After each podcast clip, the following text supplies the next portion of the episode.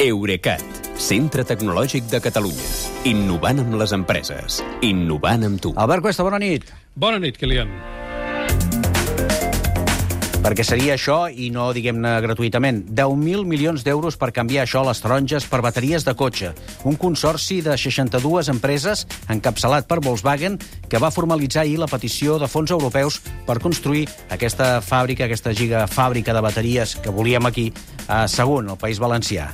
Sí, són 62 empreses, 12 comunitats de l'Estat, eh, i n'hi ha 18 de catalanes, amb SEAT al capdavant, però també hi ha Celsa i Silence, i col·laboradors també d'aquí, com Ficosa i Eurecat.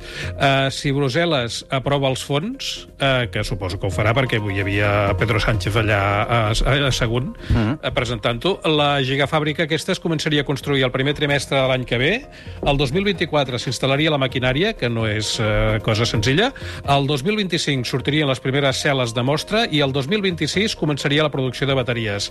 Uh, està previst que aleshores uh, doni feina a 3.000 persones. Uh, Volkswagen hi dedicarà uh, directament 3.000 milions a la gigafàbrica pròpiament dita, després 3.000 milions més per electrificar Martorell, o sigui, per fer cotxes elèctrics de Martorell, 1.000 milions més per electrificar l'Andaven a, a Pamplona, i aquí s'hi han d'afegir uh, 500 milions d'euros més que l'elèctrica Iberdrola ha dit avui que invertirà en construir un parc fotovoltaic de 250 hectàrees a menys de 10 quilòmetres de la gigafàbrica de Sagunt i que aportarà el 20% de l'energia que la instal·lació necessita per funcionar. Molt bé, doncs Volkswagen promou aquesta fàbrica aquí al camp de Morsverdre, eh, que és on hi ha Sagunt, però diríem que els clients principals no són allà, precisament.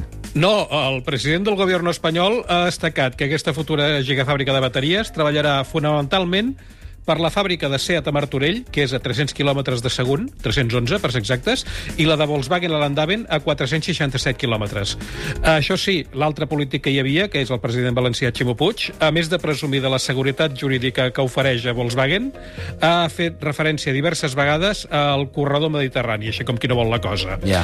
Aquesta planta serà la primera de Volkswagen a l'Estat i la tercera de les sis que el grup té previstes a Europa. Amb l'electrificació de tota la gamma, Volkswagen diu que necessitarà 240 gigawatts hora anuals de capacitat només a Europa i una sisena part, és a dir, 40 gigawatts hora, es faran a Sagunt.